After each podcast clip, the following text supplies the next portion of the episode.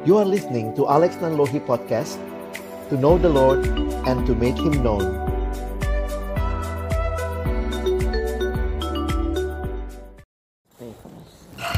Mari kita berdoa kepada Allah yang boleh memberkati kesempatan kami menikmati makan malam, memberikan kekuatan jasmani bagi kami. Kepadamu juga kami memohon kekuatan untuk melewati sesi ini, berikan konsentrasi yang baik, dan juga setiap renungan firman-Mu kiranya menyegarkan hati kami. Berkati Miss Anet dan juga hamba yang menerjemahkan dan setiap kami yang ada di tempat ini. Dalam nama Yesus kami berdoa. Amin.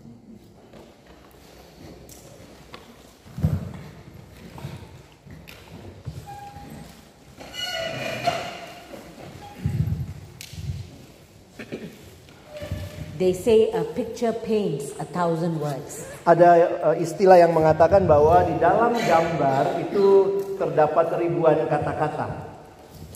And so I have placed many pictures on those tables, four tables around there. Jadi di belakang sana ada empat meja. Di meja itu saya taruh beberapa gambar.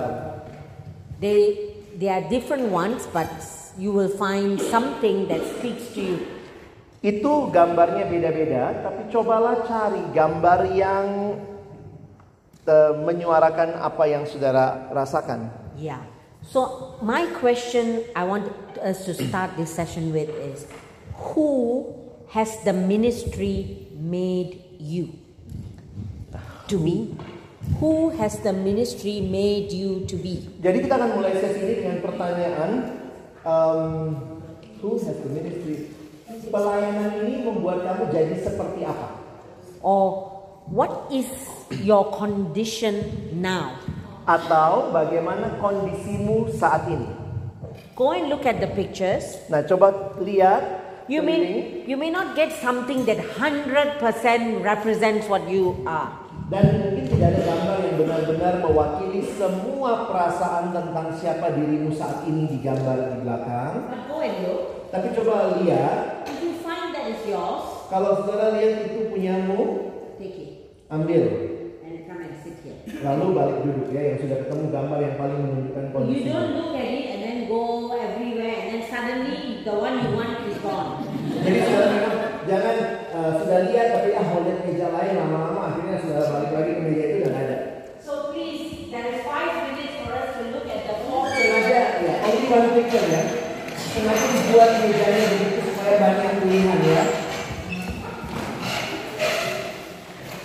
Jangan ngumpul di satu meja.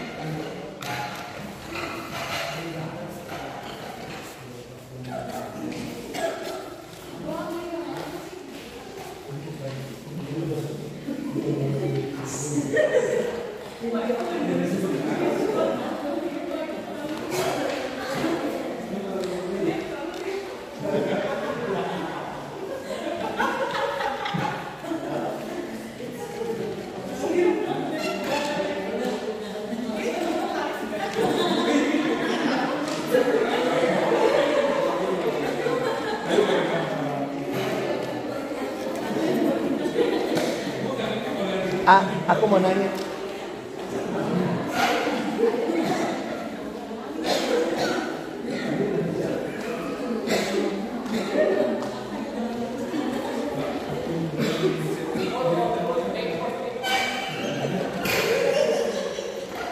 Beda lah yang lagi kuliah. Beda yang udah lulus.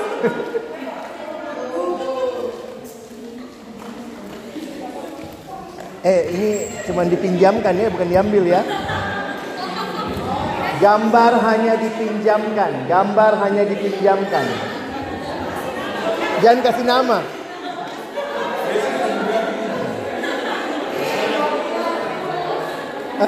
Bawa pulang. Itulah ya kebiasaan orang kita kan.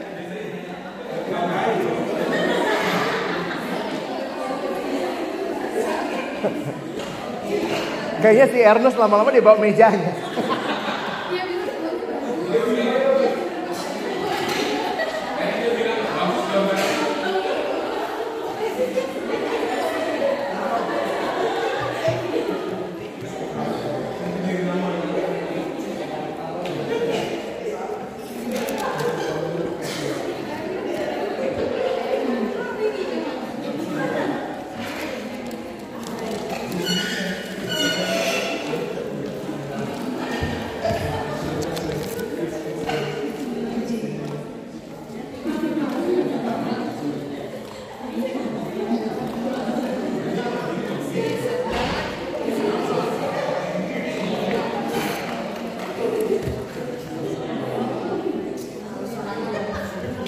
Gambar hanya dipinjamkan. Gambar hanya dipinjamkan.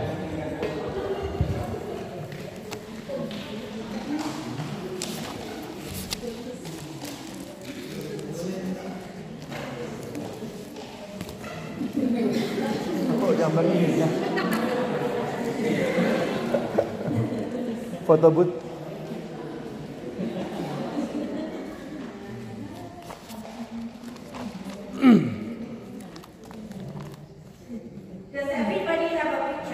Semua sudah dapat?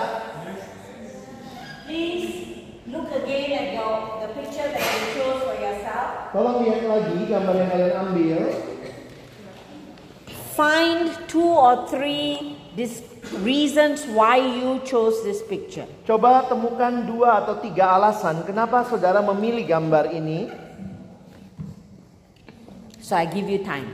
Ya, ini waktu yang saya berikan. Coba pikirkan dua tiga alasan.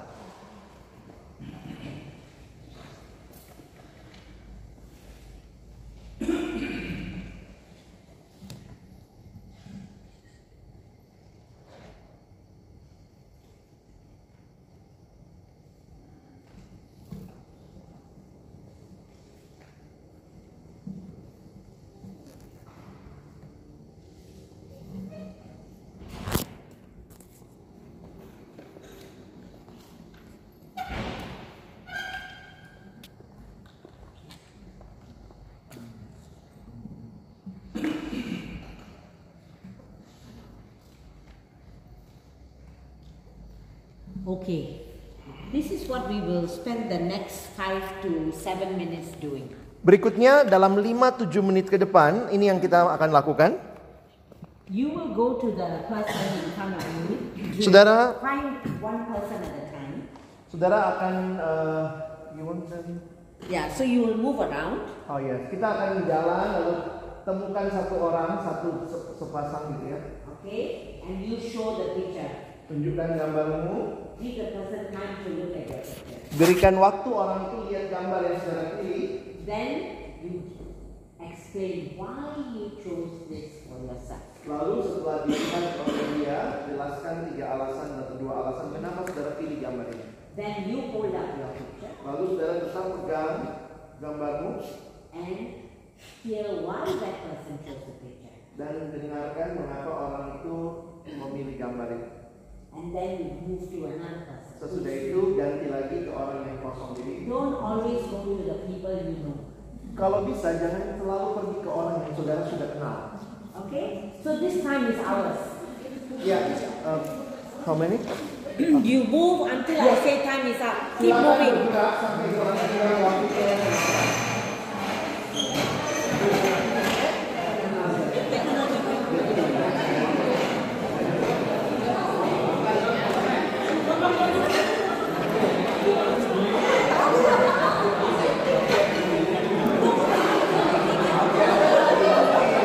Find a person who is free. Cari orang yang kosong dulu, cari yang teman yang kosong ya.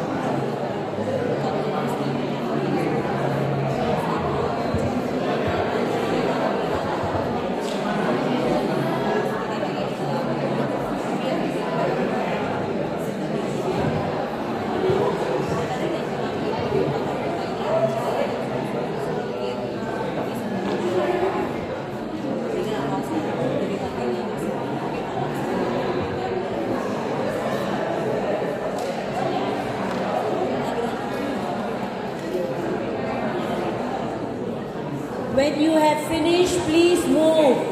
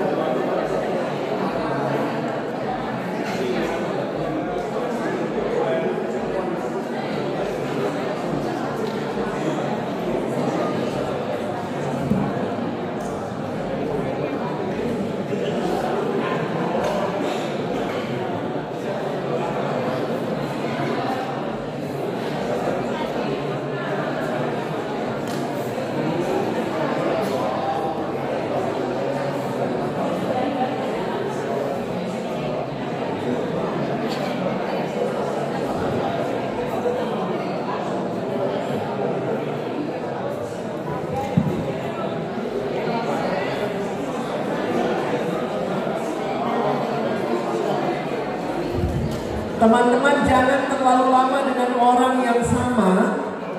Silakan ganti. Jangan kelamaan dengan orang yang sama supaya dapat lebih banyak orang. Alasannya jangan terlalu panjang, cukup dua tiga alasan.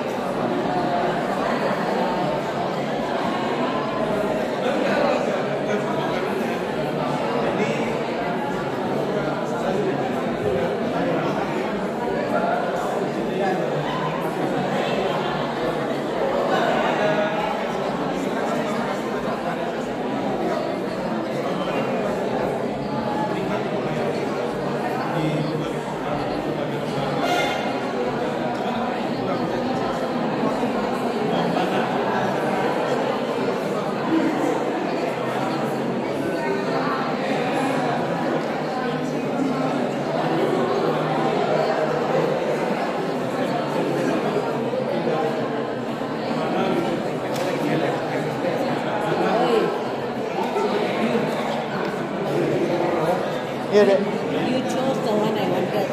why? I'm relaxing Why, now. why you choose this one? I'm relaxing and God gave me an opportunity to touch some other people's lives. So it's like making music for them. That's my situation actually. Tell them to round up and Silakan kalau sudah berarti itu yang terakhir. Langsung duduk. Silakan yang sudah langsung kembali duduk.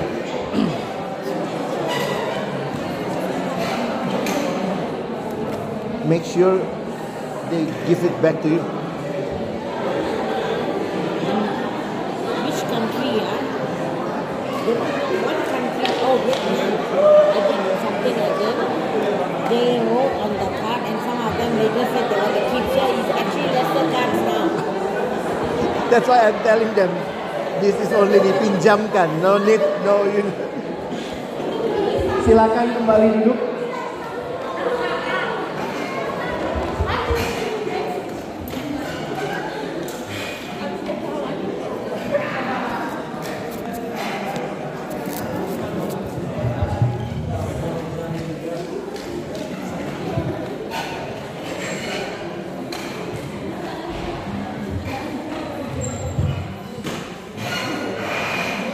Silakan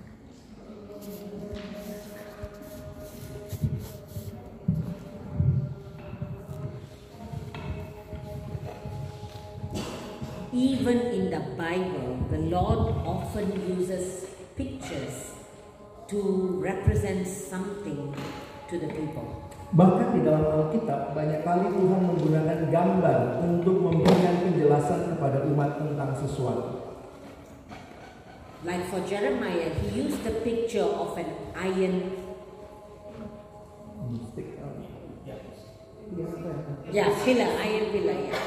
Bahkan kayak untuk Yeremia Tuhan menggunakan eh, gambaran tiang besi or a bronze wall, atau tembok tembaga or a fortified city. atau kota yang berbenteng, kota yang berkubu.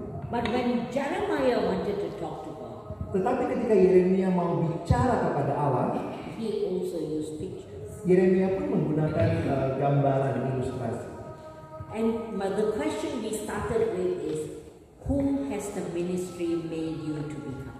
Dan kita mulai tadi dengan pertanyaan eh, apa yang telah pelayanan ini lakukan atau membentuk saudara sampai sejauh ini? Often we change without knowing we're changing. Karena kita berubah tanpa kita menyadari bahwa kita mengalami perubahan. Until sometimes we hear people say, Why are you like this now? Sampai satu waktu mungkin kita dengar orang yang mengamati hidup kita, wah kenapa kamu sekarang jadi begini ini ya? So, how did it feel for you just now to hear one another what they were becoming? Jadi, kalau saudara tadi mendengar dari teman-teman, apa perasaanmu mendengar orang itu menjadi seperti saat ini? How do you feel? Saya tanya apa perasaanmu mendengar atau melihat? When you shared who you were becoming and when you heard other people share. Waktu kalau saudara menceritakan saudara mengalami perubahan seperti apa dan bagaimana orang itu pun mengalami apa perasaanmu tadi? somehow surprised. Surprise. Surprise. Why surprise? Kenapa terkejut? Um, Kaget. I didn't expect that someone might be. Jadi tidak menyangka orang itu mengalami perubahan seperti itu. What about others of you? Yang lain? Perasaannya yang ditanya ya.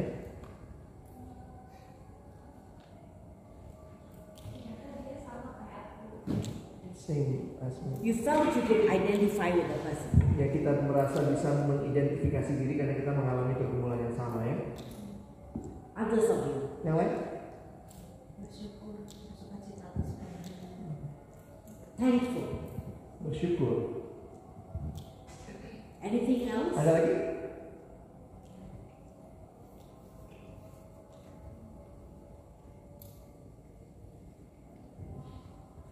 Now this brother, can I see your picture please? Eh, saudara ini ya, bapak, bapak ma- makanan sebelumnya. Everybody who see his picture just laugh.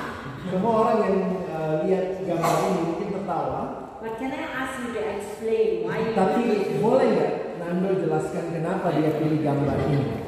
Silakan Nando.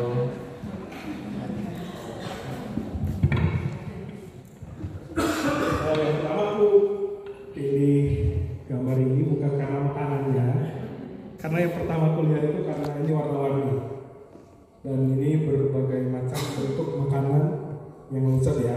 Itu yang kedua. Eh,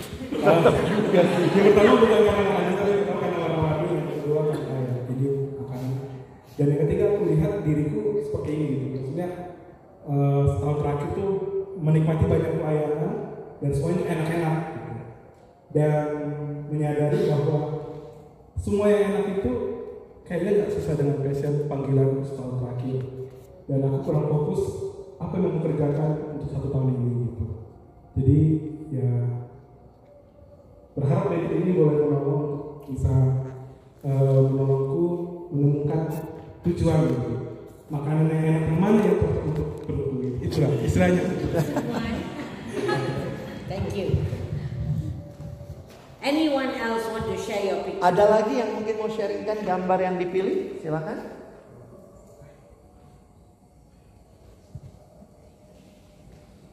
Staff, ayo. Nyebut merek ya.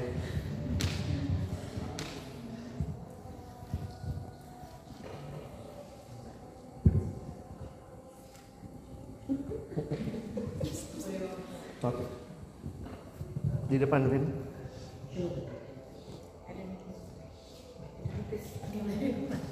Ya teman-teman, aku ambil gambar ini karena ini lo yang tersisa gitu ya. Iya, eh, dari gambar ini belajar. ya. Eh, iya ya, pelayanan itu mengajarkanku setahun ini ada di wilayah Jakarta Pusat dan di luar sana.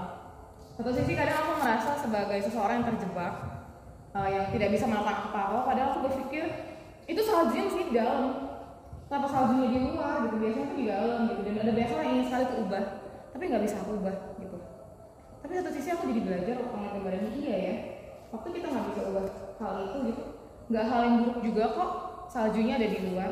Toh kamu bisa nikmati itu dari luar dari dalam gitu. Dan satu sisi kamu nggak kedinginan di dalam gitu. Dan kamu jadinya juga nggak perlu uh, susah payah dengan kutip gitu. Tapi kamu bisa menikmati salju itu sebagai suatu yang indah.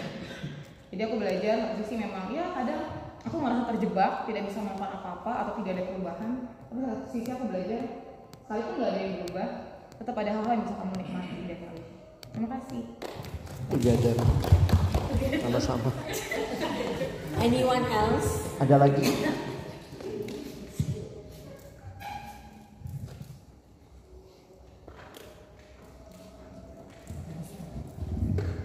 Niko.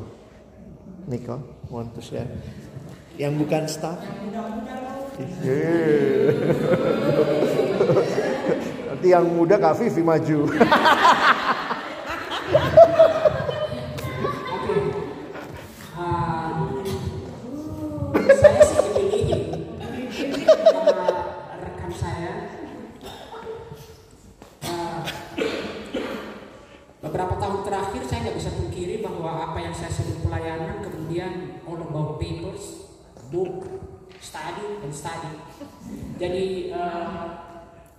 tapi saya merasa merasionalisasi dengan bukankah itu juga adalah bagian dari pelayanan?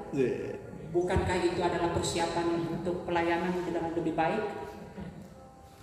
Itu yang pertama. Yang kedua, eh, saya juga dalam pelayanan kepada mahasiswa kemudian ter, ter, tergoda untuk eh, bukan mengedepankan hati atau kasih, tetapi bagaimana supaya eh, apa eh, khotbah saya eh, berbobot, ilmiah dan ada dasarnya saya senang banget ketika mengutip sesuatu uh, yang sangat orang bilang wow.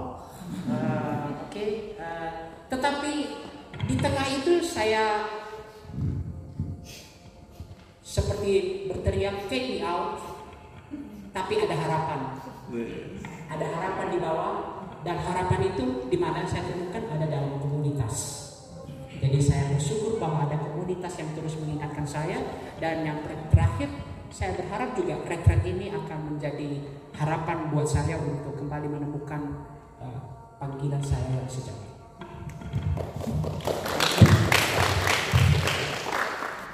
Anyone else? Ada lagi?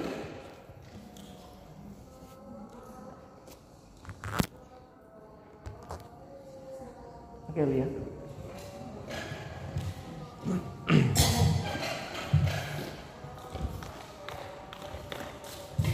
Eh, aku pilih gambar komedi kita ini mengibaratkan pekerjaanku staf kantor mungkin staf kantor yang lain juga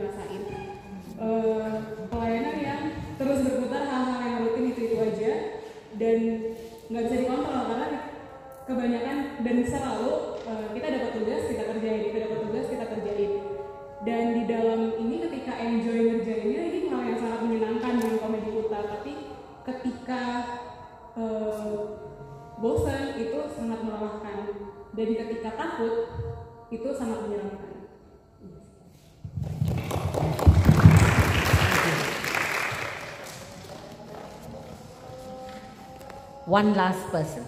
Orang terakhir. Penghuni terakhir.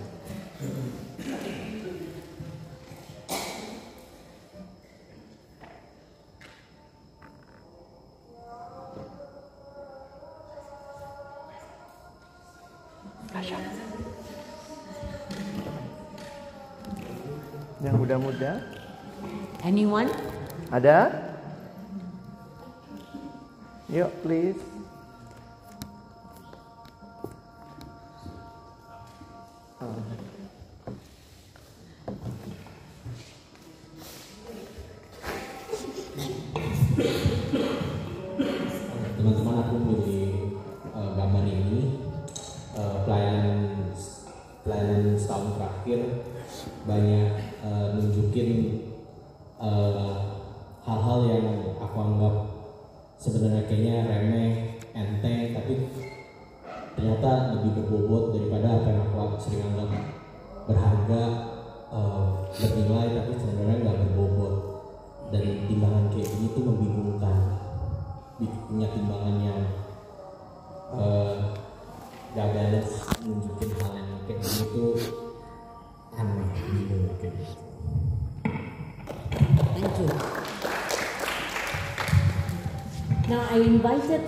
To share because we need to hear a variety of voices. Saya mengundang kita untuk sharing supaya kita mendengar lebih banyak cerita dan kisah yang ada.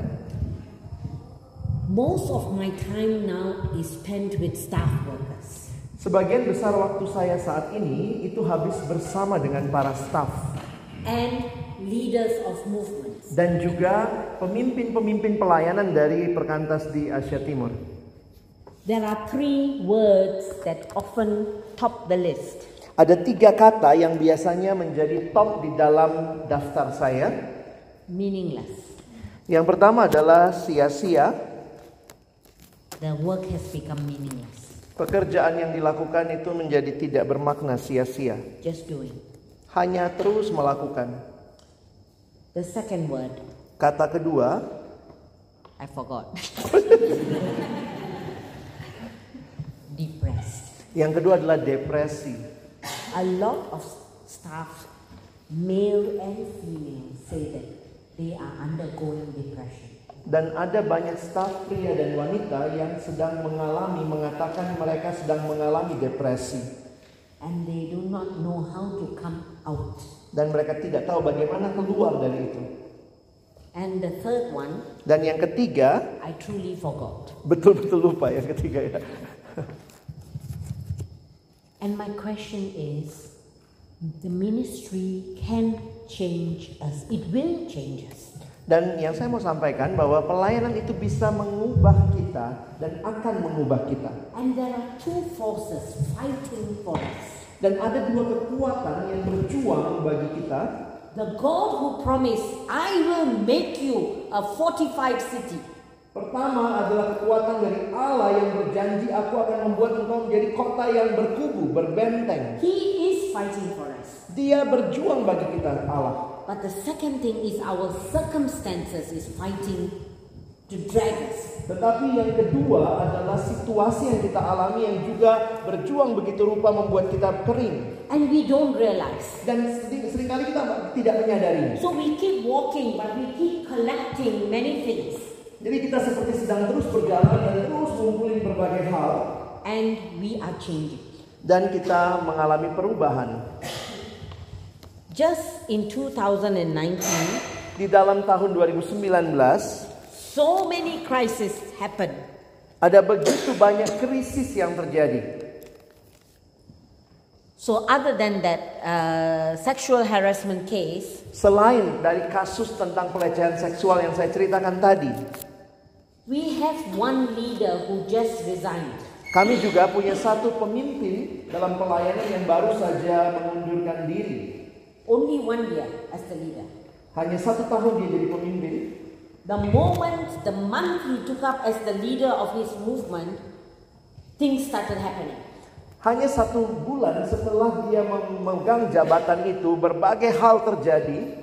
And as the leader, everybody expect the leader to have answer. Dan sebagai pemimpin, orang juga mengharapkan pemimpin ini punya jawaban untuk segala pertanyaan. But he doesn't have answer. Tapi dia tidak punya jawaban. So people, instead of solving the problem, started accusing him. Sehingga orang-orang bukannya menyelesaikan masalah bersama dia, malah mulai menuding dia. You are not a good leader. Kamu bukan pemimpin yang baik.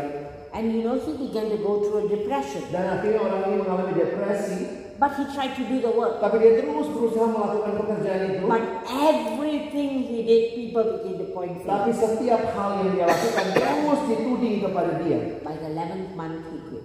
Dan 11 bulan dia berhenti. Last year, IFES had a crisis. Bahkan tahun yang lalu, IFES sedunia kita mengalami krisis. We had our world gathering in South Africa. Kita punya World Assembly di Afrika Selatan. And just before that, we had a major crisis. Dan sebelum acara di Afrika Selatan itu kita punya krisis yang besar. Until now, we have not appointed the next leader. We couldn't appoint the next leader. Bahkan sampai hari ini belum ada pemimpin perkantas sedunia sebagai orang yang melanjutkan. So after Daniel Budane left, now we only have acting leader because we couldn't appoint the new Jadi proses regenerasi setelah Daniel Bordane selesai sampai hari ini belum ada pemimpin yang kita punya sekarang adalah pejabat sementara. And during that time, many, many words were spoken that should never have been spoken. Dan di dalam waktu itu banyak sekali kata-kata, kalimat-kalimat yang seharusnya tidak diucapkan tapi sudah When we diucapkan. went to South Africa, we didn't know whether half the fellowship will leave. Dan waktu kan kita kumpul di South Africa, kita tidak tahu apakah separuh delegasi itu akan pulang dulu apa tidak hadir. Leaders like me, who leaders of all the regions, we heard voices that said we are stupid. We should all resign.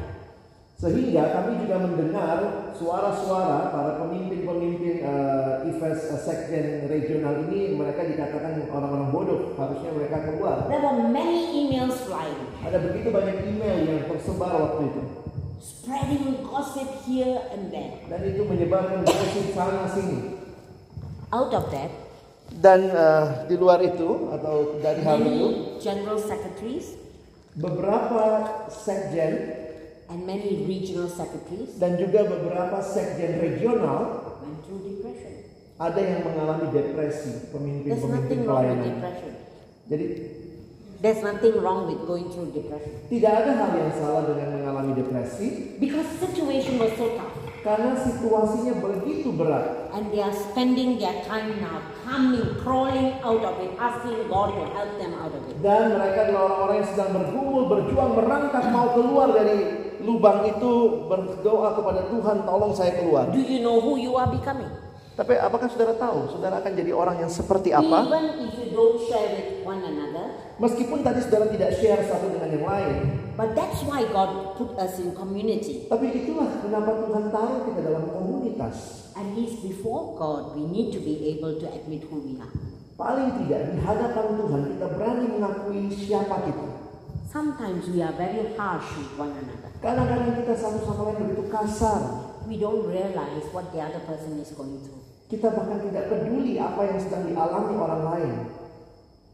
And we need to be careful not to destroy one another. Dan kita harus ingat hati-hati jangan sampai kita menghancurkan satu sama lain. A couple who serve the Lord so faithfully, Ada sepasang suami istri yang melayani Tuhan begitu setia. and actually the wife is a children's worker, Dan sebenarnya uh, children, children's worker. Her child. No, no, she is a full-time worker for children. Dan istri dari pelayan ini dia adalah seorang pekerja untuk anak-anak, Small children. untuk anak-anak kecil. And the ministry is growing. Dan pelayanan mereka itu bertumbuh sekali. Last year they had a baby. Tahun lalu mereka punya anak bayi. Within six months they buried that baby. Di dalam enam bulan tuh, uh, mereka menguburkan bayi mereka. The baby, their baby that was born did not survive. Anak mereka yang lahir enam bulan hanya hidupnya tidak bisa bertahan. And every time she ministers to those little children, she remembers her own baby. Sehingga setiap kali perempuan ini melayani anak yang kecil itu dia selalu ingat bayinya yang meninggal. When we did this in her country, Dan waktu kami melakukan ini di negara dia, I don't know which one of you took that picture. She took a picture with the baby's doll and toys, and it's in the in the cupboard. waktu Miss Anet melakukan aktivitas kayak tadi di negara dia, dia pilih gambar ada yang pilih uh, bayi sama ada by the boneka-boneka. doll doll. ah. Ah, ada boneka-boneka. Dia pilih gambar itu. And the doll is put inside the cupboard, disimpan. Dan boneka itu disimpan di dalam lemari. And she shared Dan waktu dia ceritakan in tears. di dalam tangisannya, Every day I go setiap kali these things in my house. Setiap hari saya pulang ke rumah, saya lihat hal-hal ini di rumah saya. This first January, she became a part-time staff worker for IFES in Timor Leste. Dan orang itu di tahun ini menjadi staf part-time di Perkantas Timor Leste. You know, in Timor, the medical is so terrible. Kalau saudara tahu kondisi kesehatan, pelayanan kesehatan di Timor sangat-sangat mengerikan, menyedihkan. Babies just die. Anak-anak kecil itu ma- mati gitu ya. A scripture union worker, she was pregnant when I went in December. Waktu ibu anak datang bulan Desember yang lalu, salah satu staf dari Scripture Union atau PPA di She sana, told me next week she's giving birth. Dia bilang, wah minggu depan saya akan melahirkan bu. prayed for Saya doakan dia, but something in my heart was not at peace. tapi memang jujur di dalam hati kecil saya ada ketidaktenangan. Her baby was born and it died within three hours Dan anak bayinya memang lahir tapi meninggal tiga jam kemudian in Timor di Timor Leste.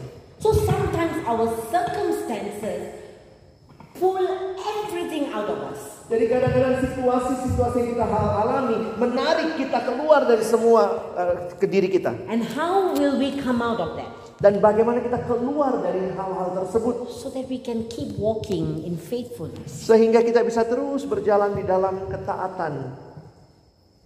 I would like to invite uh, uh, Indra to read for us from Jeremiah chapter 11. Saya akan minta Indra mem- membaca Yeremia pasal yang ke-11 From verses 18 onwards. dari ayat 18 sampai selesai pasal 11.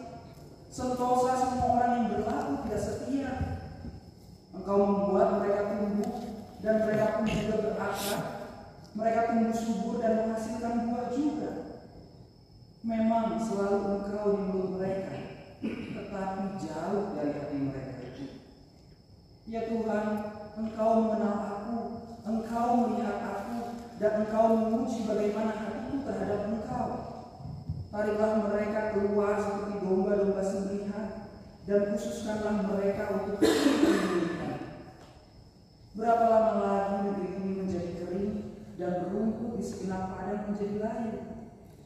Karena kejahatan penduduknya, binatang-binatang dan burung-burung habis lenyap. Sebab mereka telah mengira ia tidak akan melihat tingkah langkah kita.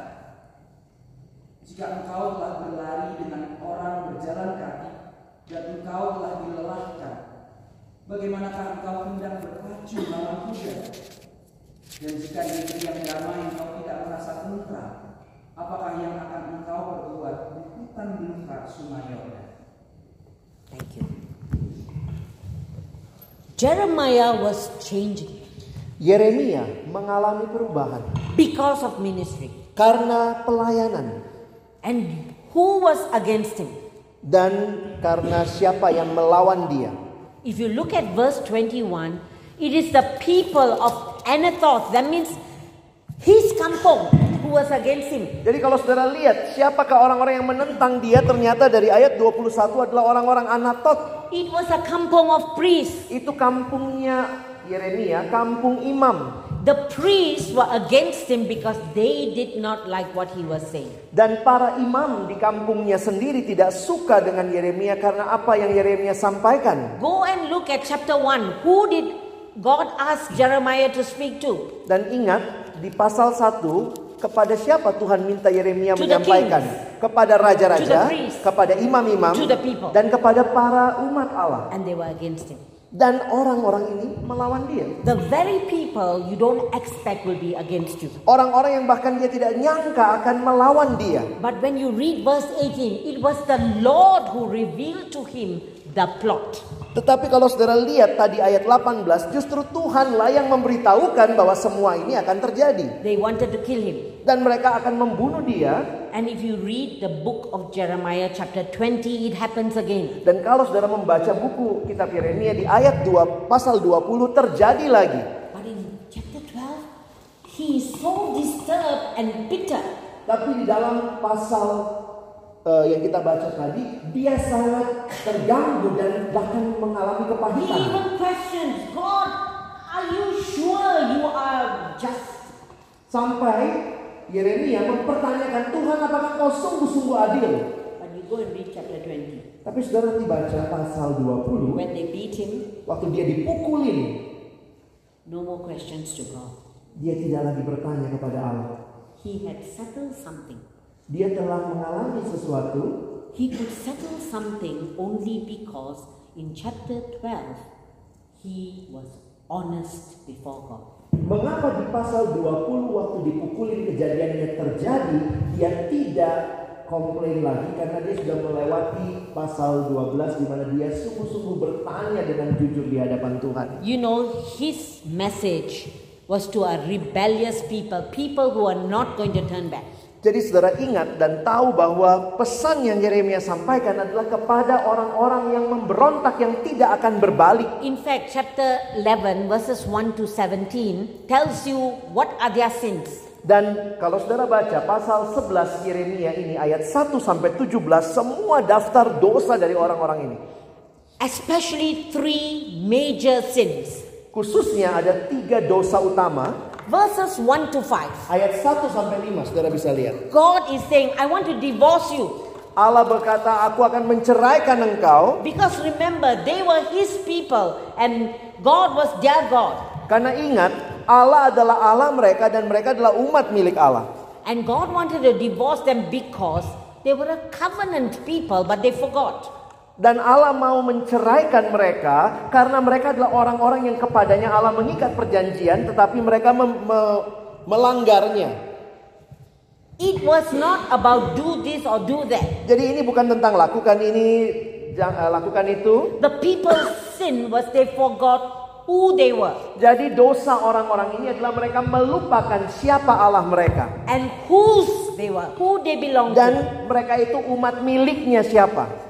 Verses 6 to 14. Nah kita lihat dosa kedua ayat 6 sampai 14. God accuses them of intentionally breaking the law. adalah Tuhan menuduh mereka karena mereka secara sengaja melanggar hukum-hukum.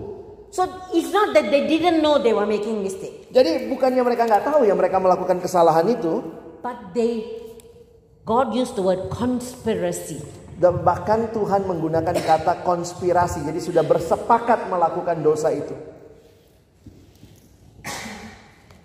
And that's why he was going to God was going to keep his part of the covenant. Sehingga di dalam bagian ini Allah sebenarnya ingin mempertahankan bagian Allah dalam perjanjian dengan And the Israel. covenant is if you do not keep your part, I will release curses. Dan sebagaimana perjanjian itu kalau kamu tidak lakukan bagianmu maka bagian Allah adalah mendatangkan kutuk. But the worst sin, Tetapi dosa yang paling mengerikan verses 15 to 17, itulah ayat 15 sampai 17. they thought they could do anything, be unjust, and then go to the temple and offer sacrifice, and God will be pleased. Mereka berpikir mereka tetap bisa melakukan ketidakadilan tapi tetap datang ibadah ke bait Allah mempersembahkan korban kepada Allah seolah-olah tidak ada apa-apa. It was a pretend spirituality. Jadi ini adalah sebuah kerohanian yang berpura-pura. And you go to people like this and you tell them the truth. Do you think they will like you? Jadi bayangkan Yeremia datang kepada orang-orang dengan dosa seperti ini, apakah waktu dituding dosanya mereka mau dengar nggak ya? his life was always threatened. Hidup Yeremia selalu terancam. Who guards your back? Siapa yang ada atau mendukung saudara? Who watches your back? Siapa yang melihat, memperhatikan saudara? Because the ministry will have a lot of daggers and guns pointed at you. Karena pelayanan itu ada banyak eh, senjata yang sedang ditujukan kepada saudara. And in certain places you go, Bahkan di beberapa tempat kalau saudara pergi pelayanan, you come from Indonesia, I come from Malaysia, kalau saudara saya dari eh, Malaysia, saudara dari Indonesia, you know that certain places we go, people carry charms and they do things against you. Charms.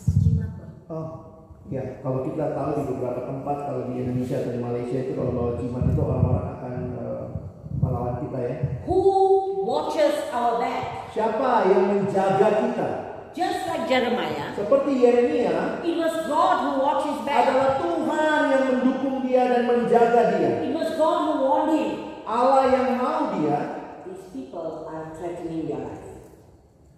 These people are threatening your life. Jadi ketika orang-orang itu mengancam hidup saudara, He exposed these plans. ketika orang-orang mengancam hidup Yeremia, Tuhan bukakan rencana jahat mereka. Do you know your God? Tapi apakah saudara tahu siapa Allahmu? That He will come and He will show you how who is coming against you. Bahwa Tuhan ini akan menyatakan siapa-siapa sih yang sebenarnya sedang datang menghadang engkau. Or He wants you to be careful. Atau dia akan menolong saudara hati-hati sama orang-orang seperti ini. I am not a superstitious person. Saya memang bukan orang yang percaya hal-hal yang uh, superstitious atau supernatural lah ya. You know, we are evangelicals. Kita kan orang Injili. And sometimes we don't believe in. Mujizat-mujizat begitu ya. But I've learned to believe. Tapi saya makin belajar percaya loh. And you know, I go to places like Timor, very, very, very kuat, strong there. Dan ketika saya pergi khususnya ke Timur Timur, di situlah saya melihat bahwa benar-benar itu hal-hal yang sangat kuat ya magicnya. You go to a place like Cambodia, Kalau saudara pergi ke Kamboja misalnya, so much of bloodshed in their history. Begitu banyak pertumpahan darah di sepanjang sejarah Kamboja. Whatever you do, the gospel has taken so long to grow. Sehingga Injil ditabur begitu rupa lambat sekali pertumbuhannya. You all also know the student ministry, our young leader who was supposed to be the leader, he drowned just one month before he became the leader. Dan bahkan mungkin saudara mendengar cerita bahwa calon atau waktu itu pemimpin yang harusnya diangkat jadi staf pertama atau pemimpin pertama di Kamboja meninggal tenggelam kan? We are fighting a battle, Kita sedang menghadapi sebuah peperangan, unseen battle, sebuah peperangan dalam dunia yang tidak terlihat. and yet also seen because sometimes if the battle is with our fellow workers, Dan bukan hanya dunia yang tidak terlihat, kadang-kadang kan jadi pelayanan dengan teman-teman pelayanan yang kelihatan ini ya. And so for Jeremiah, he felt, he really felt he was like a lamb led to the slaughter. God led him to the slaughter. Dan buat Yeremia, dia merasa seperti seekor domba yang dibawa Tuhan ke pembantaian. At that moment when he realized people were against him, he forgot that it was God who warned him. Tetapi ketika dia, sorry, God who warned He him. forgot that it was God who warned him about the plot. Jadi kalau kita lihat hidup Yeremia tuh dia dia sebenarnya waktu situasi itu dia lupa bahwa justru Tuhan yang memberikan eh, membukakan kenyataan bahwa ini loh konspirasi orang-orang yang mau He's so men- shaken. men- men- mencelakakan dia. If Dia sangat at ter verses 18 to 23, you can see he's really shaken. Kalau saudara bisa lihat ayat 18 sampai 23 dia itu sangat ketakutan. And then in verses chapter 12, verses 1 to 4, Dan di dalam Yeremia 12 ayat 1 sampai 4 he takes it to God dia bawa itu kepada Allah. and say, I want to say something to you. Dia bilang Tuhan, saya mau ngomong nih. You are not fair. Kau tidak adil, You are not taking action. nggak bertindak. Look at the cheater. He's so prosperous. Look at the cheater. Lihat si orang itu, kenapa dia uh, mujur. And you are allowing him to grow. Kenapa Tuhan kau izinkan dia bertumbuh? And then, because of all these wicked people, our land is undergoing famine. Dan karena orang-orang yang tidak benar itu, lihatlah ladang-ladang kami mengalami kelaparan, kekeringan. That is the right place to bring your complaints. Itu tempat yang tepat membawa seluruh pergumulan komplain kita. You know, sometimes I'm so afraid for our Christians. Kadang-kadang saya juga takut sama orang Kristen ini. You know why? We are so nice to God. Kadang kita tuh kalau ke Tuhan tuh kayak baik banget. We are not even real before God. Kita bahkan tidak menjadi diri kita tidak jujur di hadapan Allah. In our heart, we feel God was unfair.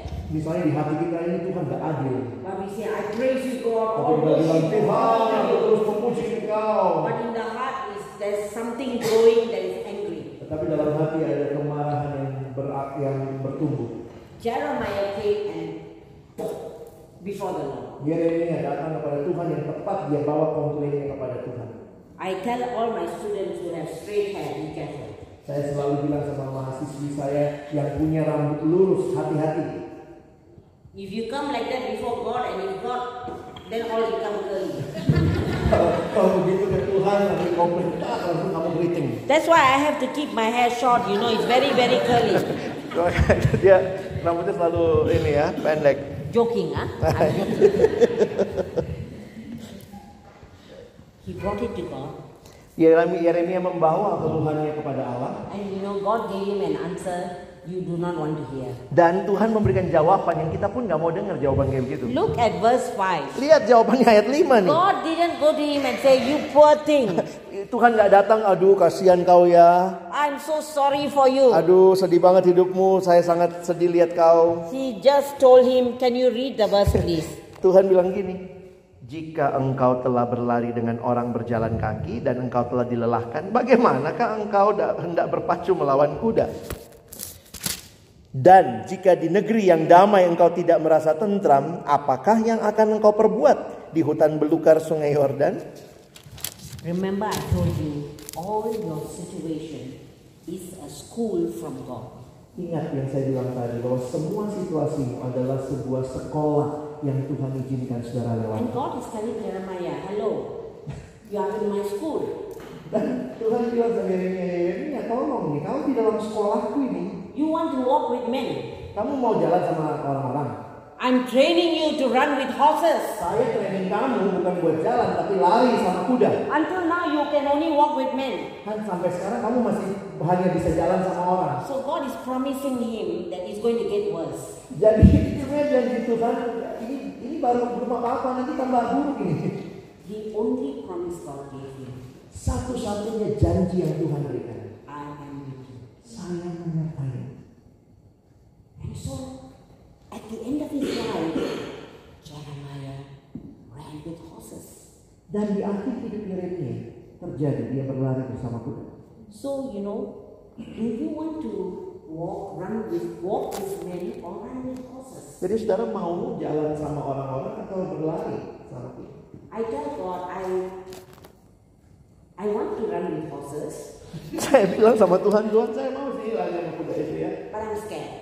Berpacu melawan kuda, tapi saya takut Tuhan. There. Saya tinggalkan di sini. I will make you. That is God's promise. Dan Tuhan berjanji aku akan membuat engkau seperti itu. Itu janjinya. And then the second line. Dan bagian yang kedua, You run, you walk in safe country and you are complaining. dan jika engkau di negeri damai aja engkau komplain, mengeluh. How are you going to run in the forest? You know, in the forest you can trip many times because the growth is very thick. Ya bagaimana engkau bisa berlari di dalam hutan belukar yang pasti rumputnya begitu tinggi. God says it's going to get more dangerous. Dan Tuhan seolah mengatakan ini belum apa-apa kamu bakal alami lebih ngeri. It's not about the situation. Jadi ini bukan tentang situasinya, It's about how big your God is. tetapi bagaimana engkau mengerti seberapa besar Allahmu. And I think at the end, by chapter 20, when I read Jeremiah, I saw he just took it. Dan karena itu waktu saya lihat pasal 20, waktu kejadian benar-benar terjadi, Yeremia itu pasrah banget loh, karena sudah lewati pergumulan pasal 12. He began to know God. dia mulai makin kenal siapa Allah. But many of us staff workers, Banyak dari kita para staff because we are so busy, karena sangat sibuk, the one person we leave behind in our ministry is God. orang pertama atau pribadi pertama yang kita tinggalkan di belakang justru Tuhan. We hardly read our Bible. Kadang-kadang nggak baca sungguh-sungguh Alkitab kita. We read our Bible before going for Bible study.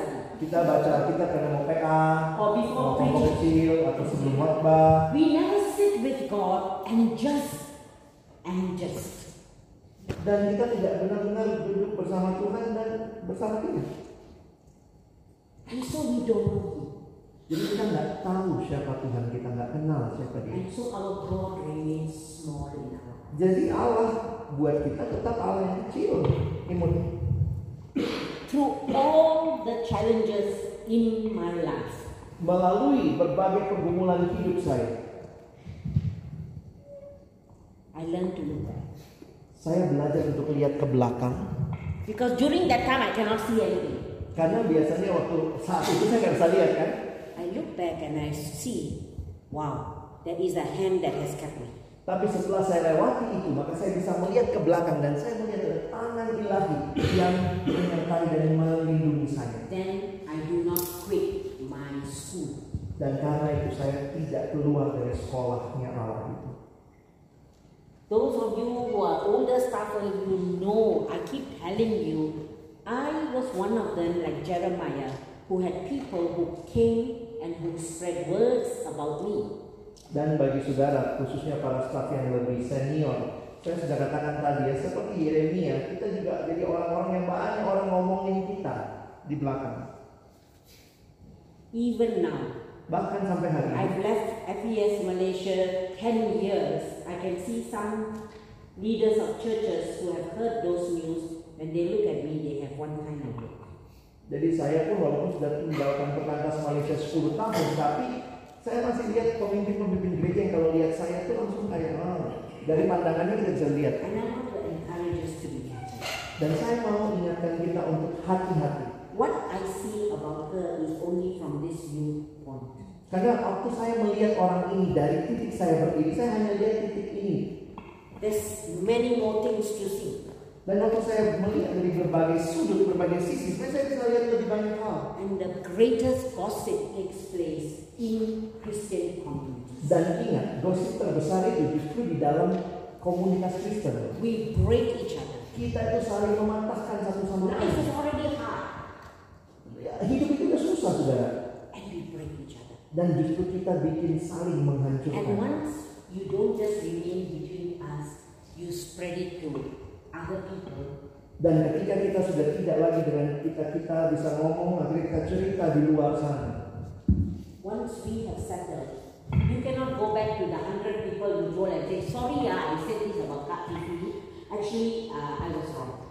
Dan ingat, ketika saudara sudah pernah ngomong di luar sana, maka ketika misalnya saudara bisa berdamai, saya dengan Kak Vivi berdamai, saya kan nggak bisa datangin satu-satu, sorry ya, kami udah damai ya, sudah terlanjur cerita.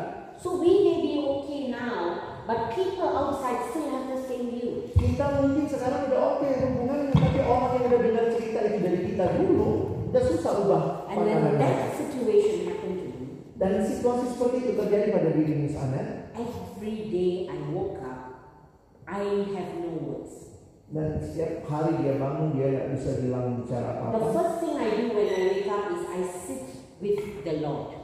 Hal satu-satunya yang bisa saya lakukan setiap pagi saya bangun saya duduk bersama Tuhan. And that that whole year, 2009, the only conversation I had with the Lord every day. It was not one day or every day. Tears. Dan sepanjang tahun 2009 itulah tahun di mana setiap hari saya duduk bersama Tuhan dan hanya menangis. Even reading the Bible sometimes can only read one or two verses because my heart was so pain. Dan waktu itu saya bahkan hanya mungkin hanya bisa membaca satu dua ayat. Sulit sekali hati saya begitu pedih. And at that point was the last my last time I had said, I will quit. Dan itulah waktu terakhir saya bicara saya mau ber- berhenti. I decided no more serving God. Saya waktu itu bilang saya nggak mau lagi layani Tuhan. And I counted 23 years years already served God enough. Long Dan saya waktu hitung-hitung saya udah 23 tahun Tuhan. Cukup, saya berhenti. And all I heard from God was silence. Dan yang saya dengar dari Tuhan, Tuhan pun diam. At least to Jeremiah, he talked to him. Kalau buat Yeremia kan Tuhan jawab gitu ya, ayat ini mau walaupun kayak gini You run jawabannya. with men and how you going to run with horse? Iya ditanya kalau kalau kau sekarang kayaknya nggak bisa jalan sama orang, kamu mesti lari sama kuda. Buat Miss Anet Tuhan diam. So I also give you. Jadi dia balas juga dia Tuhan. So God, bye bye. In 2010, I will leave. Dan Miss Anet sudah sepakat Tuhan, oke, bye. Tahun 2010 dia berhenti. But still preaching, still going doing Bible study with students. Oh, tapi knows. pelayanannya terus jalan, pelayanan, khotbah, pimpin PA mahasiswa, tidak ada yang tahu. Careful. Sehingga hati-hati saudara, pelayanan bisa jalan tapi belum tentu God will find you. Tuhan akan temukan kamu. I'm serious. Serius ini. The last football in 2009, 31st of December, that I prepared was take up your cross and follow me. Dan waktu hari terakhir 31 Desember 2009 ayatnya adalah Frank- eh, pikul salib rangkal diri ikut aku. In the Philippines, Itu di Filipina. to 500 people. 500. To 500 people. Waktu itu harus khotbah di depan 500 orang itu ayatnya. And I'm busy preparing the sermon. Wow, ini sangat sibuk siapin khotbah 4 a.m. in the morning. 4 pagi, 4 subuh. I heard something in my heart. Saya mendengarkan sesuatu di dalam hati saya. Oh, you're asking these people to take up their cross. Kau suruh What about you? pikul salibnya kau sendiri di mana? Lihat ke atas. and say, this message is for them. Pesan ini untuk mereka. I am glad I said that to the Lord. Dan saya syukur saya berani bicara itu kepada Tuhan. That was where I really was. Karena itulah situasi saya saat ini. I walked into the meeting Saya datang ke pertemuan itu. something was different in the hall. Dan hari itu ada sesuatu yang berbeda di aulanya. Just before the the message, I heard a group was going to sing. Normally scripture reading. Dan sebelum khotbah ternyata ada persembahan pujian dari vokal grup yang biasanya itu diisi sama pembacaan Alkitab. And the name of the vocal group is His His Sounds. Dan nama vokal grupnya adalah suaranya. Cannot be because you know, when I was first year staff, I heard His Sounds in Malaysia, and that time I want to quit. After I hear them, I didn't quit. Karena saudara tahu, vokal grup yang sama namanya His Sound ini waktu saya tahun pertama jadi staff di Malaysia, mereka juga yang nyanyi dan waktu mereka nyanyi saya jadi nggak nggak berhenti They they sing scriptures, dan mereka itu menyanyikan ayat-ayat Alkitab biasanya. and I said, God, you don't cheat me. Tuhan di Filipina jangan main-main ya. And then I look at the choir, Dan saya lihat kemudian choirnya all muda-muda. Semua orang-orang muda. So I said, oh, not the same choir. Oh, oh ini beda lah sama choir 23 tahun lalu ini Sound yang muda. Then I look at the conductor, Saya lihat pemimpin kornya no hair, botak, old man, orang tua, professor, maths professor, dia profesor matematika. same. Ternyata sama. Itu vokal grup yang sama. The lady next to me said, he's got fourth stage cancer. Lalu kemudian ada perempuan yang duduk di sebelah Miss Anet tunjuk kepada konduktor itu dia kanker stadium 4. And you know, like good ladies, my tears just come down. Jadi saya nangis gitu ya. I sit there and said, God, I cannot cry now. I have to preach in two minutes. Oh, ada di dalam Tuhan nggak bisa ini khotbah. Saya nggak bisa khotbah kalau nangis terus. After all the people will say, why you invite lady to come and speak? Always crying. Karena nggak mungkin kan pembicara maju terus nangis nanti orang bilang ngapain diundang pembicara nangis doang. stopped and went up and preached. Take up your cross and follow him. Dan waktu itu air mata berhenti naik khotbah ikut pangkal ini pikul salib. And then I came and sit down. Lalu balik lagi duduk. And the normal is after mess, khutbah is reflection. Dan biasanya setelah khotbah itu refleksi. That day, Hari itu the choir and they sang, God alone can. Dan mereka menyanyikan hanya Tuhan yang sanggup. And I heard the voice. So what about you, Anna? Will you take up your cross and follow me? Jadi saya mendengar lagi suara itu mengatakan, bagaimana dengan engkau Anet? Apakah engkau akan memikul salibmu dan mengikut aku?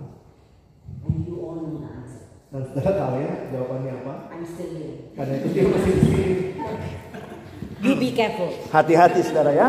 But go to the Lord. Tapi ingat datang sama Tuhan. Because now I have another 10 years to prove who He is. Karena sekarang saya masih punya lagi 10 tahun yang diberikan untuk membuktikan siapa dia. That we are in the potter's hands. Bahwa kita ada di tangan sang penjunan. God will call you to stand in the fire. Tuhan akan panggil saudara berdiri di tengah api.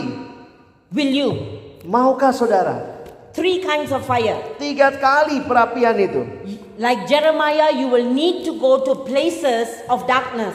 Dan seperti Yeremia, saudara juga mungkin akan masuk ke tempat-tempat yang penuh kegelapan. Speaking to people who are not listening. Berbicara kepada orang-orang yang tidak mau mendengar. Calling people back to relationship with God. Memanggil orang kembali dalam hubungan dengan Allah. And you keep doing it again and again. Saudara terus lakukan itu, terus lakukan. You fight for students who fall into the same sin again and again. Saudara bergumul, berjuang bersama mahasiswa yang jatuh di dosa yang sama, itu lagi, itu lagi. That is standing in the fire Itulah yang disebut dengan berdiri di tengah perapian. as a minister. Sebagai seorang pemimpin pelayan, You cannot take your eyes off God. saudara tidak bisa lepaskan mata dari Because Allah. God can release those people. Karena Tuhanlah yang sanggup melepaskan The orang-orang. second place of fire Tempat kedua is our own brokenness. adalah kehancuran kita sendiri. Or you stand with other people who are broken and you have no words to say. Atau ketika saudara berdiri bersama orang-orang yang hancur dan mungkin tidak bisa mengatakan apa-apa. When you are personally disillusioned Waktu saudara mengalami kepedihan yang personal mendalam or in danger atau di dalam bahaya or discouraged. atau mungkin merasa uh, discouraged ya. And then you begin to be shaken by the fragility of life. Lalu mulai bergoncang karena betapa rapuhnya kehidupan. Every time I used to go into Timor, I used to pray I was not a staff worker. Setiap kali saya pergi ke Timur, saya biasanya doa berharap saya bukan staff begitu ya. Because going there means encountering a lot of problems. Karena setiap kali ke sana itu banyak sekali bergumul menghadapi Something masalah. in our families, Karena kalau kita pelayanan ke sana tuh bisa tahu keluarga kita kenapa or something will happen to us. atau bahkan kita ngalamin diserangnya begitu. Timor was one place. Itu Timur salah satu tempatnya ya. Every time I stand in the immigration in Vietnam, I'm so scared. Juga di Vietnam, setiap kali saya berdiri di imigrasi, saya sangat ketakutan. Even now, Sampai hari ini. because I was caught once. Karena misalnya pernah ditangkap di imigrasi di Vietnam. And you know, it was so humiliating. Dan itu sangat memalukan. Six men with guns guarding poor old me, old lady. Ada enam laki-laki bersenjata menemani Miss Anet dalam ruangan itu. And you know, they told me, please go to sleep. Why are you still awake? And in my heart, I am not going to sleep while six of you with guns. Jadi waktu itu misalnya ditahan dan pesawatnya baru besoknya jadi malam itu di ruangan itu mereka bilang udah tidur aja. Misalnya dong ngapain tidur ada enam laki-laki di situ. You visit again and again the places where you are haunted. Mungkin saudara diizinkan Tuhan kembali berulang-ulang ke tempat yang sama yang begitu menakutkan buatmu. Will you be robbed of your calling? Apakah saudara akan dirampas dari panggilanmu atau terus dalam panggilanmu? I want to end with these words. Saya ingin akhiri dengan kalimat ini. Jeremiah was in the right hand. Yeremia ada di tangan yang tepat. He placed himself in the potter's hands. Dia memberikan hidupnya di tangan sang penjunan. And he found that God can. Dan dia tahu bahwa Allah dapat dan sanggup. Look at this. Oh, not this one. Yeah, in this one. Lihat gambar ini saudara. We cry out to the one who dares to fight with us. Kita datang menyampaikan keluhan pergumulan kita kepada Dia yang sanggup berjuang bersama kita and allow Him to speak into our lives. dan mengizinkan Dia berbicara ke dalam hidup kita. Then we become different, we become toughened. Dan kita akan menjadi orang yang berbeda, semakin teguh, semakin kokoh. My CG mates in university do not recognize me now. Small group, kelompok saya. Jadi teman kelompok kecilnya Miss Anet tidak nyangka Anet seperti sekarang ini, nggak kenal Anet saat ini. My, C, my CG leader laughed at me when she heard I want to become a full-time worker. Bahkan PKK-nya Miss Anet waktu di kampus kalau dengar waktu dengar dia mau jadi staff ketawa gitu. You want to be staff? Hah, kau jadi staff? And I laughed at myself as well. Dan saya juga menertawakan diri saya. When I felt God was calling me, I said, good joke. Dan waktu Tuhan manggil saya, waktu itu saya bilang, oke ini lelucon yang bagus Tuhan. But you know, as I read His word, I was very sure God was calling me. Tapi waktu saya baca firmannya, saya sangat yakin Tuhan panggil saya. But today, I'm no longer that person. Dan saat ini saya bukan lagi orang yang waktu itu. Gone on a long journey. Saya sudah lewati perjalanan yang panjang. You people go on long journeys with the Lord. Hai saudaraku, berjalanlah dalam perjalanan yang jauh itu bersama Tuhan. And no need to take your complaints to other people. Dan jangan ceritakan keluhanmu ke orang-orang lain. You can share with close friends, Saudara bisa cerita kepada teman-teman terdekat, but not break each other. tapi bukan dengan tujuan menghancurkan satu sama lain, But bring it to the Lord. Tapi bawa itu kepada Allah. Dan Tuhan akan membentuk, mentraining saudara sampai saudara bertumbuh. So I pray that tonight, as you think about calling, Dan saya berdoa malam ini ketika saudara memikirkan tentang panggilan, the first session and now, sesi pertama dan kedua, the first session is about are you still living out your calling? sesi satu tadi, pertanyaannya, apakah engkau tetap menghidupi panggilan Allah bagimu? Or are you just doing a job? Atau saudara hanya melakukan pekerjaan rutin saja? We need to come back to that place. Kita harus kembali ke tempat di mana hal itu harusnya. And every year, God calls us to do something different in the same place. Dan mungkin setiap tahun Tuhan memanggil kita mengerjakan hal yang berbeda di dalam tempat yang sama. And tonight, Dan malam ini sesi kedua, be watchful because we are changing as we do ministry. mari perhatikan karena sebenarnya kita terus mengalami perubahan ketika kita melakukan pelayanan.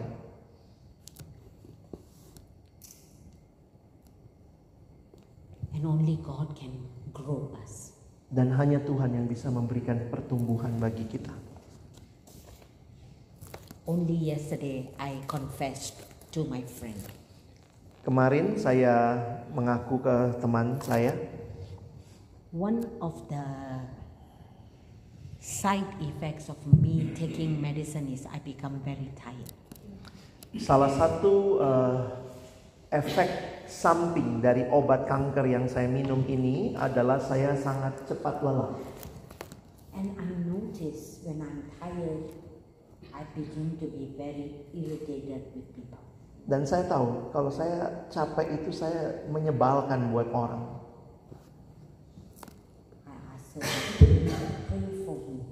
Dan itu saya berkata, tolong doakan saya. so that I will not change to become this terrible. Sehingga saya minta dukungan doa supaya saya tidak berubah jadi orang yang menyulitkan dan kasar. That God will give me the strength so that I can still be the same person as I used to be. Sehingga Tuhan memberikan kemampuan kepada saya, kekuatan untuk saya menjadi orang seperti yang selama ini saya demikian. And we were driving back from my kampung to KL. Dan kami waktu berjalan eh, balik nyetir dari kampung Miss Anet kembali ke Kuala Lumpur, look outside your window, car window. Dan lihat di luar kaca jendela mobil. There was an eagle flying so low that we both could see and it soared up. Dan kami melihat ada elang yang begitu rendahnya terbang dan kemudian naik lagi menukik naik kami bahkan bisa lihat dengan sangat jelas. And both of us chased eagles. Dan di tol itu kami berdua terus kejar elang itu. No, in our life, Oh, we in our always life, look out okay. for eagles. Di dalam hidup ini kita selalu melihat atau mengejar eh, elang. And the place we were going does not have eagles. Dan mungkin tempat yang di mana kita pergi tidak ada elangnya. But when we saw the eagle, we knew God was encouraging our spirits. Tapi ketika kita melihat elang itu kita tahu bahwa Tuhan sedang menguatkan rohani kita, jiwa kita. You can. You can grow. Temanku, saudara bisa bertumbuh. Don't lose yourself. Jangan kehilangan diri saudara. Let's pray. Mari berdoa.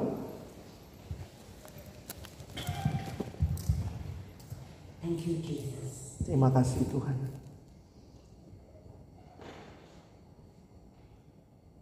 You never take your eyes off us. Engkau tidak pernah melepaskan pandanganmu terhadap kami. I am with you is your promise. Engkau bersama kami itu janjimu. Thank you, Lord, Terima kasih Tuhan.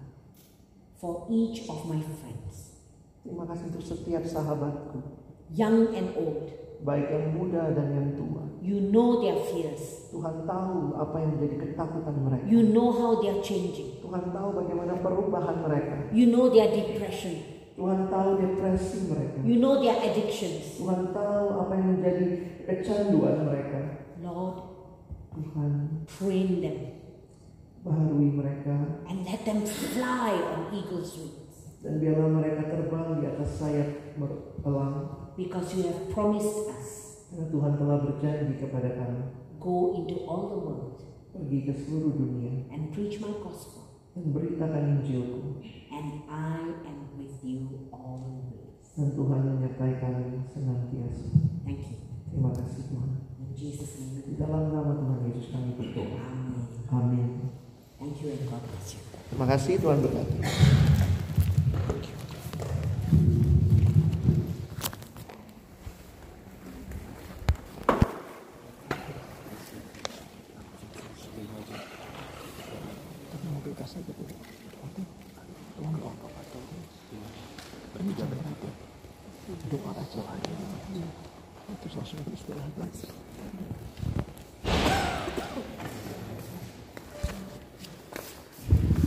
Selamat malam teman-teman.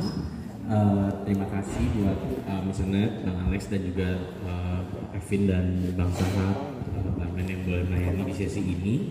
Nah di penghujung sesi hari ini eh, kita menyediakan waktu. Eh, teman-teman silakan nanti boleh bertiga bertiga dengan teman sebelahnya atau mungkin eh, ya mungkin ya kalau berdua atau bertiga boleh. Eh, silakan boleh ambil waktu mungkin kurang lebih 15 sampai 20 menit eh, men-sharingkan apa yang menjadi respon dan saling mendoakan. Jadi eh, kita akan tutup sama-sama eh, maksud dalam kelompok saling mendoakan apa yang menjadi respon, apa yang bisa didukung dalam doa untuk dua hari besok juga setelah mendapat eh, sesi pertama, sesi kedua dan setelah itu teman-teman boleh silakan beristirahat dan kalau misalnya eh, mungkin mau ada janjian ngobrol lagi ketemu sama KTB-nya atau sama teman regionya itu juga dipersilahkan.